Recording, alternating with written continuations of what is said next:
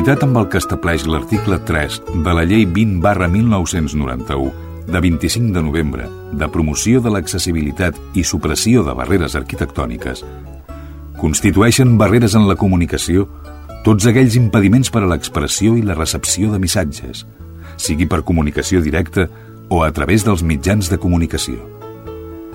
És per això que, emparant-nos en aquesta llei, volem que cada ciutadà gaudeixi del seu propi espai per moure's. Un espai sense censura. Un espai en què vosaltres sigueu els protagonistes. En definitiva, un espai per tothom. Benvinguts a Espai Vital. Ens ho diu el senyor Laveu, aquesta veu tan potent que sempre anuncia la nostra arribada a les zones de la teva ràdio municipal. Som a l'Espai Vital, un lloc per a les persones, a la teva ràdio, a la ràdio de la teva ciutat.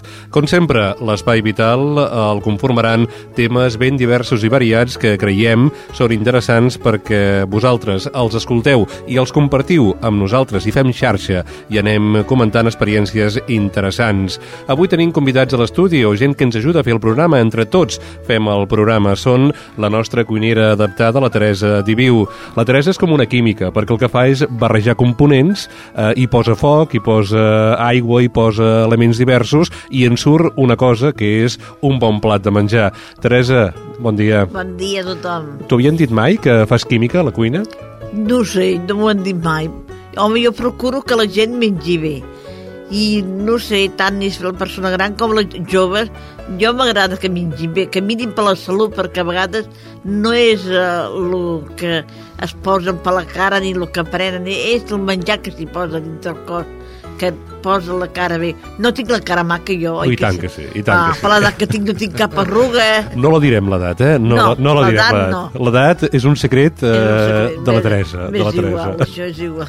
Molt bé, doncs eh, queda dit, eh, tindrem eh, cuina adaptada amb la Teresa i qui no es cuida massa o si més no doncs eh, combina l'experiència vital a, tope és el nostre cercador, l'Alfredo Ángel Cano. Bon dia, Alfredo. Un dia. Què tal, com estem? Bé, bé, intento cuidar-me, eh? Molt bé. Bueno, bueno, no què per tu. Bé, però de tant en tant algun excés també sabem que fa de bon rotllo i excessos sempre una mica la vida és anar combinant, eh? anar trobant l'equilibri.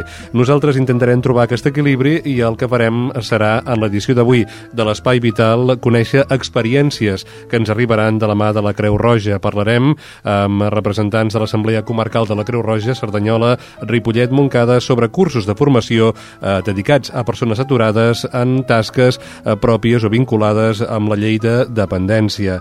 Tindrem l'oportunitat de conèixer detalls del Despullet Festival, una iniciativa solidària que s'organitza a Cerdanyola del Vallès.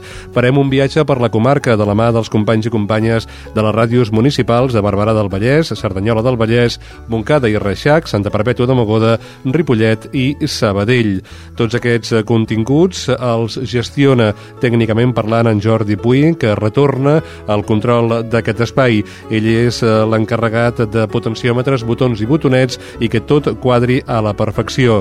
Evidentment, vosaltres, oïdors o oïdores, sou a l'altra banda de l'aparell i feu possible, doneu sentit a aquesta iniciativa radiofònica. Nosaltres eh, només ens resta dir-vos, abans no comencem, que tot això es cuina als estudis centrals de Ripollet en ràdio. Comencem.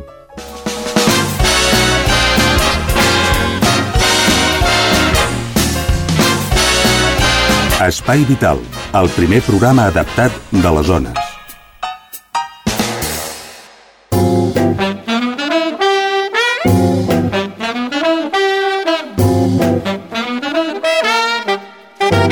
L'Espai Vital d'avui volem parlar amb representants de l'Assemblea Comarcal de la Creu Roja, Cerdanyola, Ripollet, Montcada i volem fer-ho per a comentar els cursos de formació que organitzen eh, especialment adreçats a persones a l'atur, cursos que el que volen és formar-los en eh, oficis, en feines vinculades a l'assistència a les persones.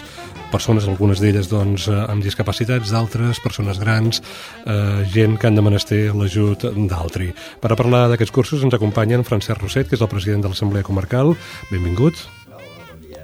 I ens acompanyen també la Mari Carmen Macías i la Cristina Sánchez, que són tècniques de l'Assemblea. Bon dia. Bon dia. Bon dia.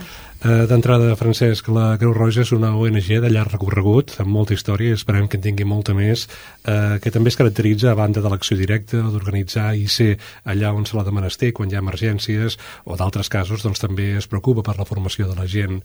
En aquest cas, combineu assistir a persones sense feina amb formar nous tècnics, noves tècniques. Sí, sí, sí, així és així. És. Uh, ara uh, aquí m'he fet acompanyar de dues de les nostres tècniques que són precisament les expertes en les qüestions dels cursos de formació. Elles porten el dia a dia i penso que és millor que parlin elles d'aquest tema perquè són les que realment eh, tenen tots els detalls. Uh -huh. uh, Mari Carmen, uh, les persones que fan aquests cursos són gent aturada, persones que s'han quedat sense feina, uh, gent doncs, que seguint aquesta proposta que feu des de Creu Roja poden tornar al mercat laboral i poden a més a més oferir una feina que de ben segur ajudarà a altres persones a viure millor. Sí, nosaltres, bueno, en la que, el que més respecta, que són els cursos de primers auxilis, el, el generalista i els específics, estem notant ara molta afluència de gent que no té, que no té feina i bueno, és una bona sortida laboral eh? perquè bueno, veiem que en el mercat laboral en aquest cas sí que hi ha moviment de persones que es necessiten per eh, les ambulàncies i per això sí que hem fet més cursos aquest últim eh, semestre de l'any hem hagut de programar més cursos per això, per l'afluència de gent que tenim. Uh -huh. Cristina, la gent gran és també objectiu dels vostres cursos eh, de formació i penseu en aquestes persones grans que han de menester ajut eh, organitzant aquests, eh, aquestes activitats formatives. Tenen bona resposta? Teniu gent interessada en fer-los? Eh, en aquest moment, en aquesta conjuntura tan especial de manca de feina, hi ha persona que s'interessa per a poder treballar en aquest sector? Sí, nosaltres aquest any hem tingut una demanda de 600 o 700 persones que han vingut a interessar-se per aquest tipus de cursos de formació ocupacional. És el tercer any que estem fent cursos d'aquesta mena. El de geriatria és el tercer que es fa i després aquest any també s'han fet uns altres cursos de formació més curts per poder eh, arribar a més gent. Uh -huh. I un cop feu aquests cursos, formeu aquestes persones, eh, diguéssim, les valideu perquè puguin treballar en aquestes feines, feu un seguiment per veure si realment els usuaris, usuàries, els receptors d'aquesta feina estan contents de, dels vostres formadors, de la gent que ha passat per Creu Roja? Evidentment. Eh, nosaltres primer fem un seguiment als 15 dies, després fem un als dos mesos i un altre als sis mesos. Uh -huh. eh, fem això, o sigui, mirem que aquesta gent es col·loqui en els estudis que, que ha fet, amb el que ha fet. Uh -huh. uh, Francesc, vosaltres uh, treballeu en molts temes i un dels temes doncs, que afecta també en aquest programa Espai Vital és uh, l'atenció a persones discapacitades. A més a més, heu estat una entitat que històricament, per exemple, ha treballat el tema de barreres arquitectòniques, uh, tant a Cerdanyola com a Ripollet, heu fet recorreguts, heu treballat, i potser amb un punt de beligerància, però ben entesa, en el sentit de motivar que les administracions actuïn i que la ciutat sigui realment per a tots i totes, no només per qui va, doncs, vaja, diguem-ne, pot caminar amb normalitat, sinó també per qui va en cadira de rodes, qui va amb una crossa. Eh, aquesta línia de treball, doncs, la seguiu, la teniu ben present també a l'Assemblea, doncs, eh, poder fer una ciutat assequible i accessible a tothom? Eh, bueno, això és el que nosaltres pretenem. Veig que estàs força ben informat i sí, sí, efectivament, ja fa anys que tenim un grup de voluntaris eh, alguns amb discapacitacions i altres no i bé, s'han dedicat s'han, es van engegar diferents programes eh, de, com dius tu bé, eh, es feien recorreguts per Cerdanyola eh, uns empenyien les, carreres de, les cadires de rodes dels altres i es anaven aturant a tots aquests llocs on hi havia algun impediment. En prenien nota, prenien mides, feien fotografies, amb tot aquest material eh, llavors eh, feien un informe i aquest informe es presentava a l'Ajuntament. Jo no sé si ha servit o no d'alguna cosa, però el que s'intenta és això, que hi hagi una ciutat molt més fàcil per les persones discapacitades. Uh -huh. El que sí que sabem és que molts fons FEIL doncs, s'han fet moltes actuacions en aquest sentit. Per exemple, a Ripollet doncs, s'està doncs, treballant molt aquest tema i d'altres localitats que ho sabem que s'estan doncs, enderrocant, permeteu-me utilitzar la paraula, doncs, aquestes barreres arquitectòniques i que ajudin a tothom doncs, a circular millor. Eh, Mari Carmen Cristina, aquí, la que vulgueu de vosaltres, eh, es parla molt aquests dies o aquests temps de la llei de discapacitat, eh, llei d'atenció a persones que han de menester doncs, aquesta ajuda. Suposo que com planifiqueu cursos de formació per aturats aturades, no sé si és el cas ara mateix, però també teniu present que apareixen noves feines, no sé pas si és un nou jaciment d'ocupació, el tema aquest d'atendre persones amb discapacitats, si ho teniu en compte, doncs poder atendre, per exemple, a un gran, a un gran discapacitat, que se l'ha de rentar, se l'ha d'atendre, això ho teniu en compte quan planifiqueu cursos perquè la gent aturada pugui dedicar-se a fer aquestes feines? Sí, nosaltres és que bàsicament el que ens estem dedicant és a a, aquest tipus de cursos. Tant el que és gent gran com també ens estem pensant presentant-nos a discapacitats, ja estem homologant una aula i bueno, sí, se'ls ensenya tot això i Bueno, només, només un apunt, eh? Nosaltres també formem els nostres voluntaris en aquestes tasques, perquè també, bueno, no hem, hem de recordar que nosaltres som una ONG de voluntaris que fan la nostra institució. Llavors sí, també fem cursos adreçats a aquests voluntaris i voluntàries perquè puguin atendre els usuaris que no, o sigui, que, que nosaltres tenim que tenen també discapacitats. Molt bé, doncs eh, queda clar i queda, queda dit. Eh, el Francesc em comenta, em fa arribar a través de la taula doncs, un fulletó en el qual eh, s'explica un altre àmbit d'actuació i suport que fa la Creu Roja i és a través de kits de suport social a persones que estan passant potser pitjor aquesta crisi, eh, les persones més febles del teixit social, que es queden sense feina, que tenen menys formació, també la Creu Roja les ajuda en aquest cas. Vull dir que una mica intentem intenteu, en mesura de la vostra, la vostra possibilitat, o vostres possibilitats, perquè sou una entitat, en definitiva, arribar a tothom. Eh, ho noteu um, realment, doncs allò que hi ha més gent ara que s'acosta a, les portes, a les portes de la Creu Roja i potser si aquesta gent, clar, és la més feble socialment, la que ve a buscar ajuda de la Creu Roja?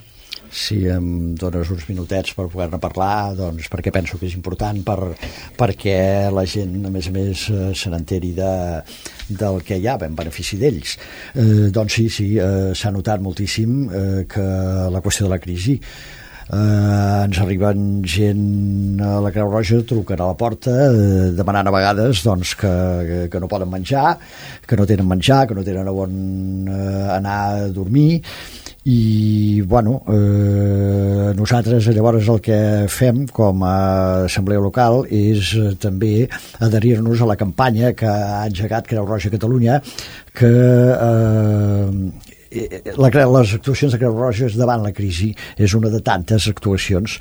La campanya respon a un lema ara més que mai més a prop de les persones en què consisteix? Doncs consisteix en el repartiment d'una sèrie de kits, mm, en concret sis tipus de kits que eh, per solucionar les primeres necessitats, les necessitats bàsiques o intentar solucionar-les o pal·liar-les més que solucionar-les de les persones que estan més eh, que, que, que no disposen de recursos.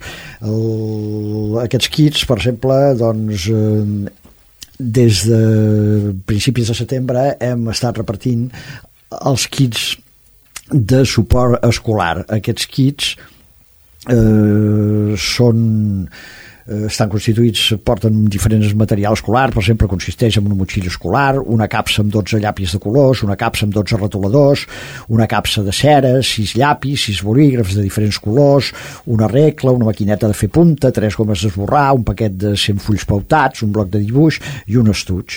Eh, aquest repartiment d'aquests kits es fa en coordinació, sempre en coordinació amb els serveis socials dels tres ajuntaments de Cerdanyola, Ripollet i Montcada. Molt bé, doncs una tasca molt important i necessària que us encoratgem a que seguiu donant a terme. Evidentment, eh, tenen treball doncs, eh, des de la Creu Roja, però també necessiten el nostre suport. El podem donar fent-nos socis o col·laborant activament, eh, doncs, eh, fent alguna donació, anar-los a veure, donant el nostre temps, fent-nos voluntaris, moltes coses. Gràcies a tots tres avui, Francesc Roset, Mari Carmen i Cristina, per acompanyar-nos. Moltes gràcies. Gràcies a vosaltres per concedir-nos aquest espai.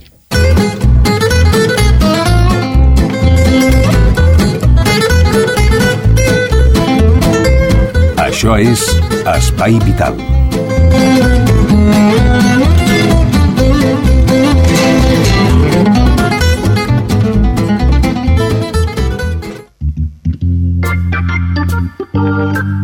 Veu sense fronteres organitza per segon any consecutiu un festival solidari que enguany es dedicarà a la creació d'un centre d'acollida social. Per aquest motiu, el festival Despulla't pel Centre d'Acollida Social destinarà la recaptació entre les entitats sardanyolenques Caritas Parroquial, Creu Roja, Església Evangèlica i Persones Amigues de mossèn Rossell, entitats que ja treballen en la lluita contra la fam, intentant aconseguir un centre d'acollida i menjador social i reforçant el manteniment dels bancs d'aliments. El festival es farà a Cerdanyola Espanyol el 31 d'octubre, en concret a les pistes municipals de Can Xarau, amb un programa que començarà a dos quarts d'onze del matí i finalitzarà a la nit amb un concert. Durant tot el dia, més de 30 entitats locals de la ciutat de Cerdanyola participaran en un espai, en un marc pensat per a tots els públics, amb cercaviles, tallers, sardanes, concerts de veneres, corals, actuacions a l'esbar d'ensaires en Marçal de Cerdanyola, dels gegants, exhibició de patinatge, paella popular, rua amb xaranga i un concert final amb diferents diferents grups. El festival també mantindrà la tradició amb la celebració de la castanyada. Els assistents podran aportar aliments pel rebost solidari i diners que recaptaran a través de la paella i del servei de bar que s'instal·larà en l'equipament municipal sardanyolenc. El director musical del Cor de Veus Sense Fronteres, Álvaro Lafuente, comenta que l'any passat, al primer festival, es van destinar a un projecte solidari en Bolívia, en concret als guanys, els recursos, i es recaptaren 5.400 euros i més de 12 apadrinaments. Festival solidari que organitza Veus Sense Fronteres. Aquesta, aquesta és la segona edició. La primera va ser l'any passat, al maig, que es va dedicar a, a Camiri, un projecte de cooperació internacional que teníem allà, bueno, que encara segueix, per ajudar uns nens treballadors d'allà i que de fet els, els va ajudar molt i aquest èxit és el que ens va empènyer a, a donar-li una continuïtat a aquest festival. En l'edició d'enguany, els organitzadors han pensat dedicar els beneficis a la ciutat de Cerdanyola perquè la crisi està colpejant a moltes famílies que estan passant per dificultats importants. El metge del CAP Canaletes de Cerdanyola, Jordi Félez, integrant de Veus Sense Fronteres, comenta que l'objectiu no és tant fer una gran recaptació com impulsar la conscienciació i ensenyar als ciutadans a compartir. No era fer una gran recaudació d'aliments, ni de, ni de diners tampoc, no farem una, una gran recaptació de diners, però a mi, a mi em recorda una mica les, les actituds aquestes del donar sang, no? O sigui, si hi ha una gent que en un moment determinat dona sang, és molt possible que repeteixi, perquè després de donar sang et trobes molt bé, no? I si dones aliments per una causa com aquesta, perquè hi ha un banc d'aliments que el vols eh, racionalitzar una mica, ja fas una aportació d'aliments que que no, no siguin caducs ràpidament i que puguin servir per, per mantenir la base alimentària de, de diverses famílies, jo crec que la gent també se sentirà molt bé. Salvador Sagarra, coordinador de logística de Càritas Cerdanyola, agraïa la idea del festival en un moment de crisi com l'actual i comentava que dins de la logística de l'acte seran els encarregats d'organitzar una castanyada tradicional. El que la vostra associació, diguem, Veu Sense Fronteres, penséssiu amb la gent que necessiten aliments i nosaltres naturalment us donem recolz al 100% en aquest projecte i naturalment cada dia fan falta més aliments. No solament hi ha persones necessitades sinó entitats que tenim a Cerdanyola Llar les Vinyes eh, Croada ai, Croada mm,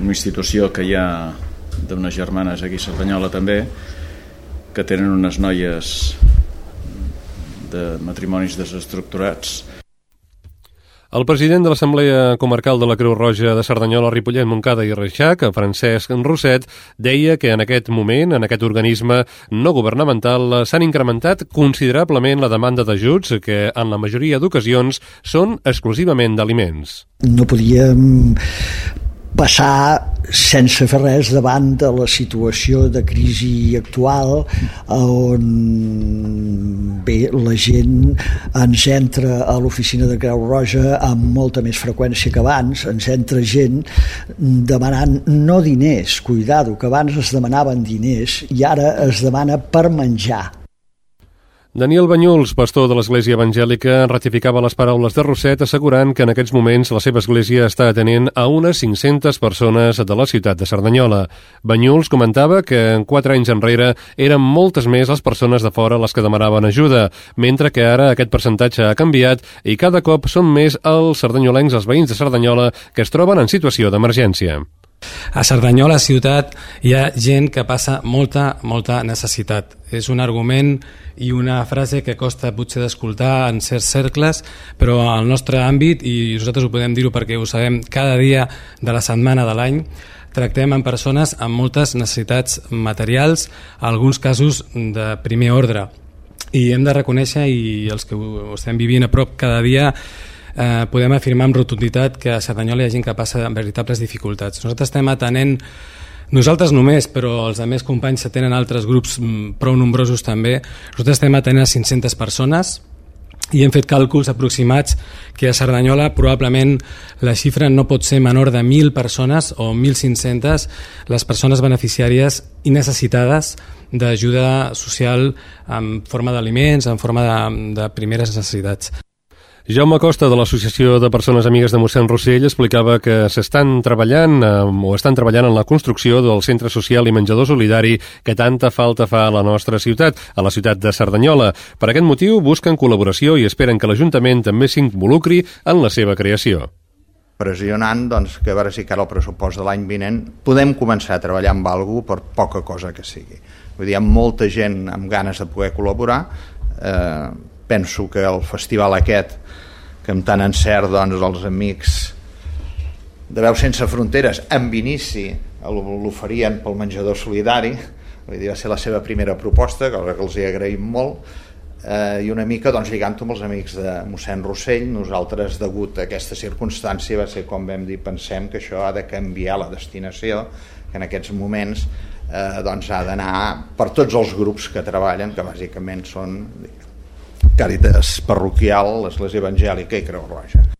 Els representants de les quatre entitats, doncs, eh, coincidien en lloar la tasca de Veu Sense Fronteres i el treball en xarxa que el festival ha afavorit a la ciutat de Cerdanyola del Vallès. Recordeu que es tracta del Festival d'Espullet pel Centre d'Acollida Social que es farà a Cerdanyola el 31 d'octubre a les pistes municipals de Can Xarau amb un programa que començarà a dos quarts d'onze del matí i acabarà a la nit amb un concert. Estàs escoltant Espai Vital. あれ?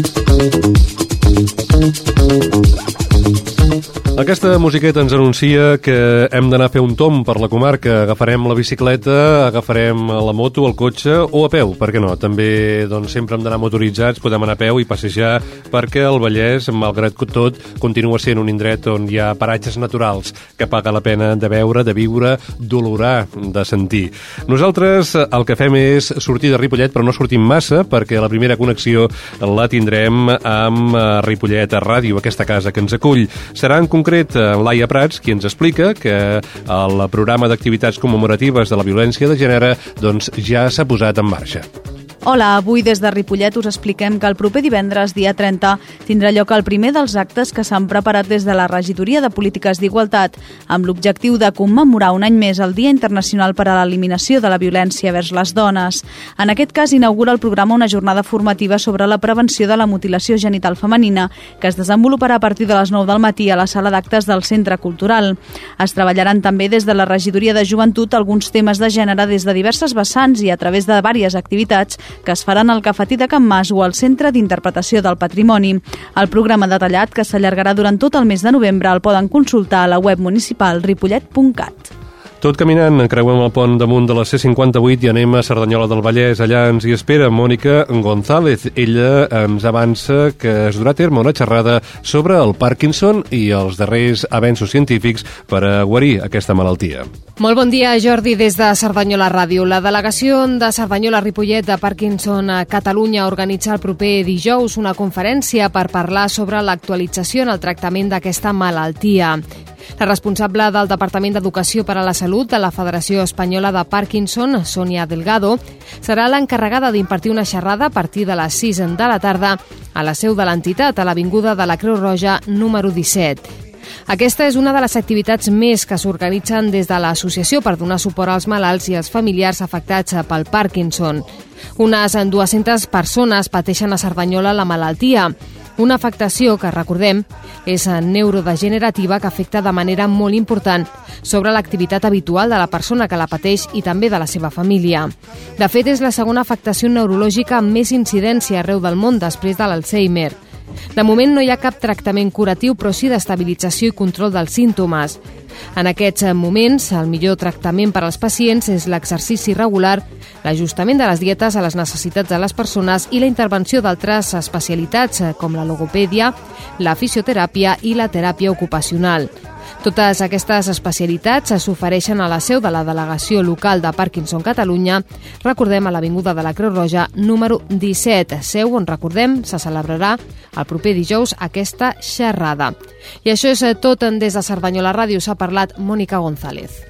Tot fent via per la Ferreria, per Santa Maria de Montcada, anem directament cap als estudis de Montcada Ràdio. Ens hi espera Sílvia Díaz. Ens explica que la Comissió de Necessitats Educatives Especials del municipi moncadenc ha reprès les activitats. Ha aprovat, entre d'altres qüestions, el pla de treball per al curs 2009-2010. Hola, salutacions des de Montcada a l'Espai Vital. La Comissió de Necessitats Educatives Especials ha reprès les activitats que ara el curs en 2009-2010, aprovant el pla de treball per a la nova temporada i les dates de les xerrades que es volen dur a terme al llarg de tot aquest curs. El col·lectiu es va crear fa 3 anys i les seves seccions s'adrecen a conscienciar la població de la necessitat d'educar la diferència, objectius que es materialitzen en formació a famílies, a professionals de l'àmbit educatiu i el treball en xarxa amb centres educatius, entitats i l'Ajuntament. Al llarg d'aquest temps, el grup ha aconseguit que bona part de la comunitat educativa prengui consciència de la importància que els infants amb necessitats especials s'eduquin en un entorn normalitzat, però per reforçar la integració dels infants, el grup també ha aconseguit la creació d'espais educatius especials, les denominades aules UC. D'altra banda, però sense deixar el tema de les necessitats educatives específiques, el consistori i el Centre de Desenvolupament Infantil i d'Atenció Precoç, el DAPSI, han renovat el conveni per atendre tots els infants i les famílies amb situacions complicades derivades per problemes econòmics o socials que puguin generar alteracions de conducta o d'adaptació social. L'acord té una durada d'un any i l'aportació municipal és de 12.000 euros. Doncs bé, això és tot. Fins la setmana vinent. Tot fent via per Mas Duran, que és un dels darrers pulmons verds que ens queda importants a la comarca. Anem a Santa Perpètua de Mogoda. L'Estrella Núñez, a la ràdio municipal d'aquella localitat, ens explica que l'Associació de Voluntaris de Protecció Civil celebra el 25è aniversari. Una entitat de protecció civil, el seu voluntariat, mm, que fa força activitats, una de les quals, o algunes de les quals, tenen a veure amb persones discapacitades. Hola, us saludem des de Santa Perpètua. Avui us expliquem que l'Associació de Voluntaris de Protecció Civil celebra aquest any el seu 25è aniversari. Algunes de les activitats que habitualment realitzen aquests voluntaris tenen molt a veure amb persones amb mobilitat reduïda, ja que, entre d'altres, són els encarregats d'un servei de microbús social que permet als joves amb discapacitats assistir als centres de formació i ocupació de la comarca. Els actes del 25è aniversari de Protecció Civil a Santa Perpètua consisteixen en una exposició que es troba a l'Espai 3 de la Granja Espai Cultural i reflecteix tota la seva història amb imatges i dades, els primers vehicles, els primers serveis i els primers membres. Per l'entitat han passat unes 250 persones voluntàries des de l'any 1984. En els seus inicis, l'agrupació funcionava d'una manera molt precària, realitzant uns 3 o 4 serveis anuals.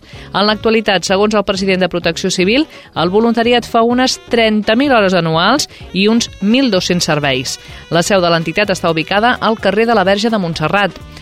Els membres de Protecció Civil estan formats per actuar en situacions d'emergència, de gran catàstrofe, de seguretat i vigilància, també de control i classificació d'albergs, també poden implantar plans d'emergència municipals, organitzar grups operatius, també estan formats en rescat aquàtic, en orientació i rescat de muntanya, en actuacions per a l'extinció d'incendis, socorrisme, conducció d'ambulàncies i en tasques de rescat comú i orientació. Així doncs, si us voleu apropar, ja sabeu, a l'Espai 3 podeu veure aquests 25 anys de protecció civil a Santa Barpètua.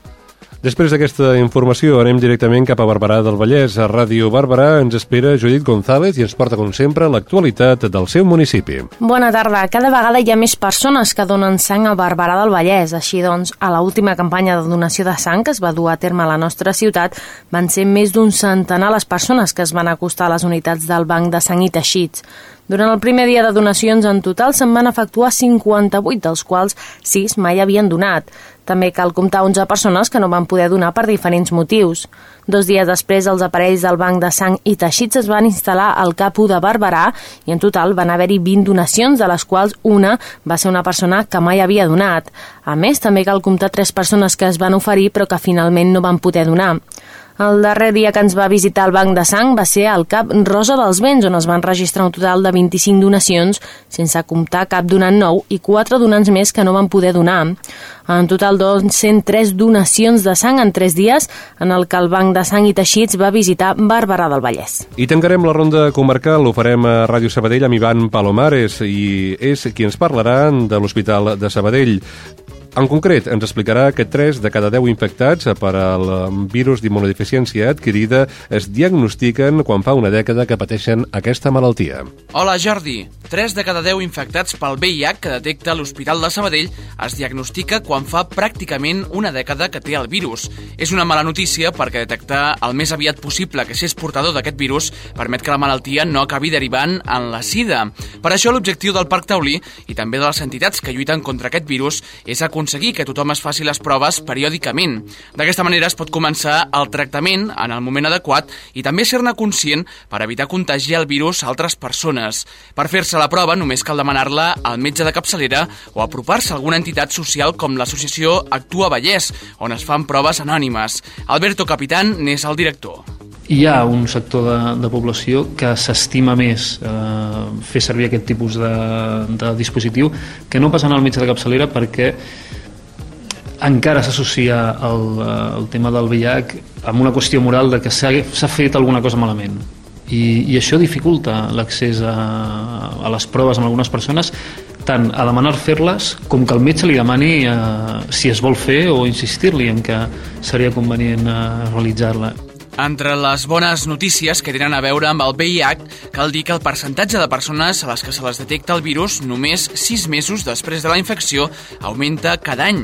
Ara ja està al voltant del 20%. Per tot plegat, la setmana passada es va celebrar el Dia de la Prova del VIH, un dia per fomentar que tothom se la faci.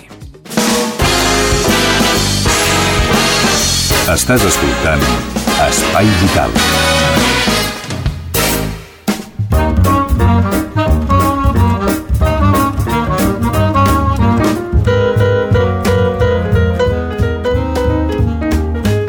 És el moment d'anar directament cap a la cuina. La Teresa Diviu ens aporta la cuina adaptada perquè ella és una persona amb mobilitat reduïda i ella ha hagut eh, d'organitzar-se la vida per poder cuinar. És així, Teresa? T'has hagut d'espavilar? Oh, s'ha d'espavilar un, si no t'ensorren. I jo no vull que m'ensorri ningú. Molt bé. Mai d'espavilar. Escolta, avui en dia eh, la vida de les persones amb discapacitats o mobilitat reduïda doncs eh, cada vegada és més fàcil, si és que es pot dir així. Sí que és més fàcil, perquè hi ha més coses no sé, com ara la cuina elèctrica que antes no, tenies que encendre mistos i coses i per encendre la, la, el forn i ara pues, amb la cosa del forn elèctric vitres ceràmiques, pues això pues, eh, i els microones trobo que és una, una adelantació per ara Uh -huh. de, Eh, i però- la vajilles, coses així, no sé, eh, va, va més bé per la persona que no es pot moure tant. Les màquines ens ajuden a viure millor. Jo crec que sí, eh? Ara, el dia que se'n vagi l'electricitat... Oh, aquell dia estem perduts tothom. Molt bé. Uh, escolta'm, uh, tu com tu com tu feies, com no hi havia aquestes màquines? Algú et va ensenyar a, a cuinar des de la cadira de, de rodes o Sí. tu t'has anat empescant uh, Jo m'he tècniques? empescat, però em van ensenyar a fer la primera cosa, perquè jo me'n pogués estar 11 mesos a l'hospital. I, és clar em van ensenyar a espavilar-te sapiguent-te fer alguna cosa menys quan arribés a casa. Em van ensenyar a fer truita de patates. Doncs pues mira, vaig començar a fer...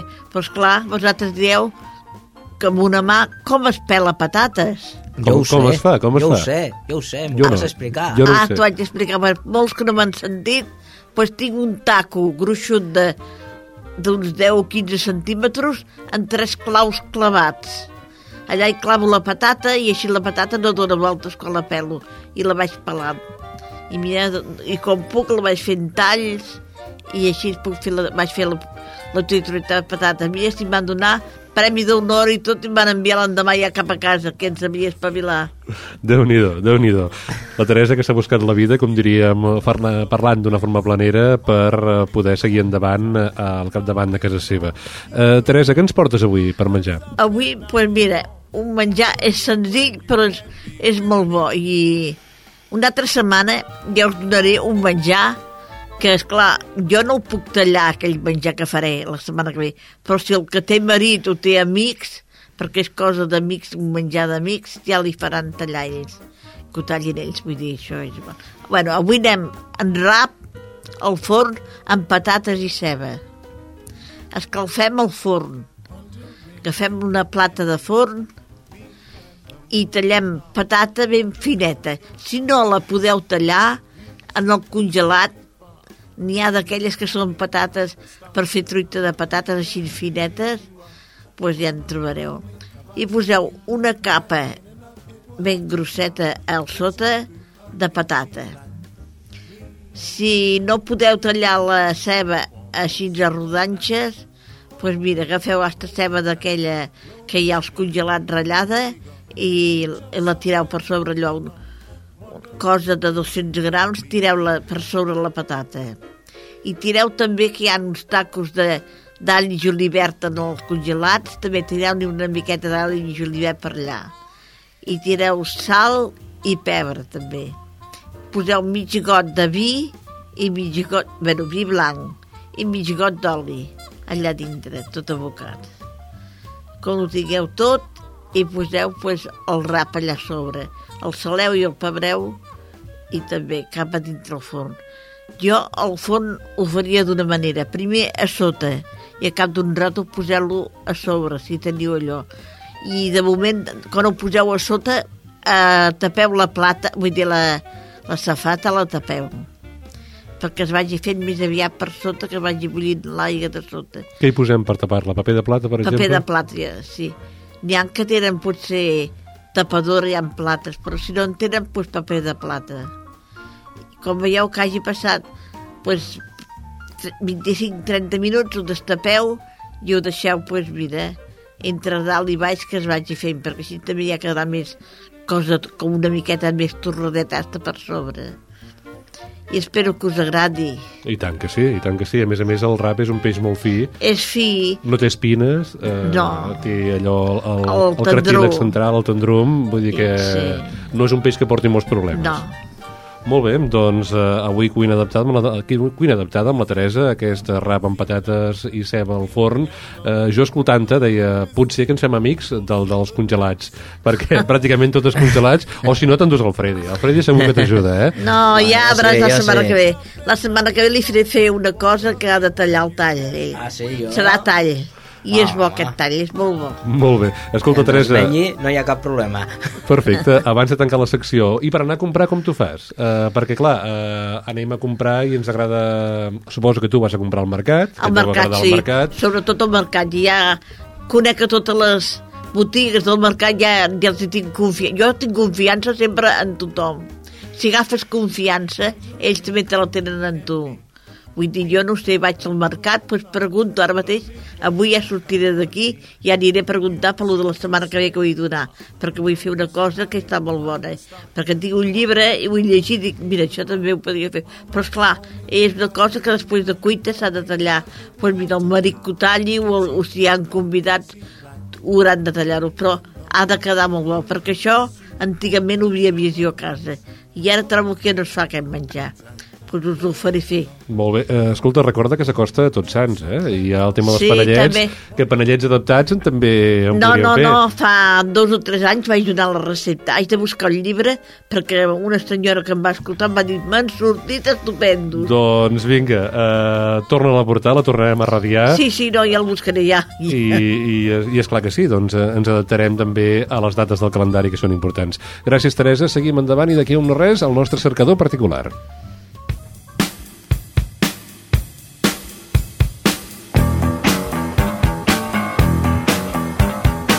Cerca que cercaràs eh, immergit a la xarxa de xarxes, a internet, però especialment amb un ull mm, de cara al blog d'aquest programa. Recordem, és http, l'adreça, recordem l'adreça, http, dos punts, barra, barra, 3 b baixes dobles punt, ràdio guió, espai guió vital punt blogspot.com. Déu-n'hi-do el nom, eh? Un nom més Sí, curtet. jo sempre dic que és més fàcil poner al Google, posar Espai Vitals, som els primers, i ahí està el nostre blog. Molt bé, un blog que es manté de forma col·lectiva, obert a la participació de la gent, com també a aquest programa de, de ràdio. Uh, si voleu enviar-nos cap informació, recordem el mail, Alfredo, si et sembla, Alfredo Ángel, Sí. radioespaivital arroba telefònica.net. Aquí suggeriments, comentaris, crítiques, per què no? Sí. Uh, lluances, uh, qualsevol cosa, propostes, el que vulgueu. Què ens portes avui? Portem dues notícies, una és molt propera, eh, ens n'anem a la comarca, eh, al poble aquí al costat, Montcada i Reixac. L'Ajuntament de Montcada i Reixac ha prohibit beure aigua de les fonts naturals del municipi a partir de les conclusions d'un estudi elaborat pel Departament de Salut Pública. El consistori obligarà els propietaris dels terrenys on estan situades aquestes fonts a senyalitzar-les com a punts d'aigua no potable. Les mostres que s'han recollit contenen una elevada concentració de bacteris que, que fan que l'aigua no sigui apropiada per al consum. Des de l'Ajuntament que han explicat que aquest fet es produeix perquè han plogut més i ha disminuït el cabal de les aigües subterrànies. Les fonts afectades són les fonts de Tort, Mitjacosta, Capellans i les basses de Can Riera i Can Racamora, totes situades a la serra de la Marina i el turó de, la, Mon- del turó de Montcada. Molt bé, doncs compte si aneu eh, per Montcada, per la zona, diguem-ne, no urbana, i us trobeu amb ponts, i potser, si et sembla, eh, doncs aquesta, aquest advertiment eh, fem-lo extensible a altres fonts de la zona, perquè habitualment i malauradament estan contaminades Sí. i pot ser un perill veure aigua que no tinguem la certesa que és potable. Efectivament. Eh, Salut i el Col·legi de Farmacèutics engeguen una campanya contra els medicaments, medicaments falsos. El Departament de Salut i el Col·legi de Farmacèutics de Barcelona han engegat una campanya de sensibilització per lluitar contra la comercialització de medicaments falsos per internet. Amb aquesta campanya es vol protegir de la, ciutadà, de la, de la ciutadania i evitar que consumeixi medicaments falsos.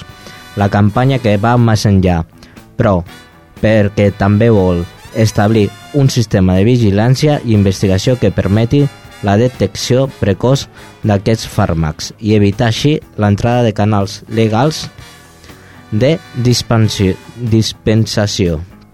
Segons la OMS, el 10% dels medicaments que se comercialitzen a tot el món són falsificats. A Espanya, però, la xifra se situa al voltant del 1,1%. Tot i això, segons el Departament de Salut, és un problema de salut pública i un fenomen en augment. Aneu en compte, especialment si us ofereixen al vostre compte de correu electrònic medicaments de tot tipus, no compreu res, hi ha la farmàcia, ha el metge, evidentment aquella recomanació que segur que la Teresa doncs, eh, Ah, vaja, sí. convindrà, No, no, farmàcia. res, res de- d'automedicació. No, no, no. Eh, Sí, pren, prenen, pues, mira, farigola amb llimona i mel. Camomila, cosa... el que sigui, que és Sí, natural. sí. Això no ens farà mal, eh? No, no, això no fa mal. Molt bé, les herbes sempre van bé. Eh, en res de medicaments químics, eh, en tot cas que sigui el metge qui ens ho digui, que dosifiqui el que han de prendre, res de dir, no, és que la veïna, el veí m'ha dit, no sé si recordeu No. aquell anunci que es Sí, veia sí, sí, sí. gent pel carrer, que Sí. tots anaven amb bata blanca i tots eren metges. No és això, eh? No, No. I, i menys per internet, res de comprar jo ja, medicaments. cada any, quan donen la, d'això de, de la grip, ja els hi dic farigola, llimona i mel. I en cas que tinguin febre, un gelocatil, que això no fa mal. Doncs ens quedem, ens quedem amb aquesta recomanació de la Teresa. Potser el gelocatil el deixarem una mica entre cometes. Això, Sí. en tot cas, el consell del metge o farmacèutic, Sí. però la qüestió natural no fa mal a ningú. No. Nosaltres en marxem, marxem, posarem una mica de música, com sempre, en marxar. Recordar que aquest programa l'han fet possible a les vies tècniques, Jordi Puy, aquí a l'estudi han estat la Teresa Diviu, l'Alfredo Ángel Cano i un servidor Jordi Jorba, tots vosaltres, Xavi Casas, que ens guia des d'una certa llunyania i eh, marxarem anunciant-vos que la propera setmana tindrem informació sobre un projecte molt interessant que engega la Diputació de Barcelona. És el projecte Sictus, però per a saber va la cosa, la setmana vinent. Apa, adeu-siau.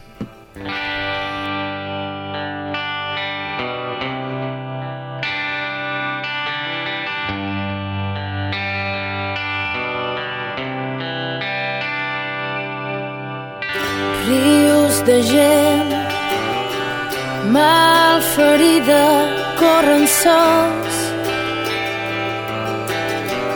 Escopint el seu fracàs ja vençuts. Esperaran com sempre han fet. L'aventura d'una nit mentre ploren de ràbia i per amor el nom inexistent mentre riuen dins núvols passatgers cada dia més distants corren sols seguint pistes per trobar refugi de l'acció un amic que no estigui massa vist. O una frena de la cara que a vegades quan s'apaga el primer foc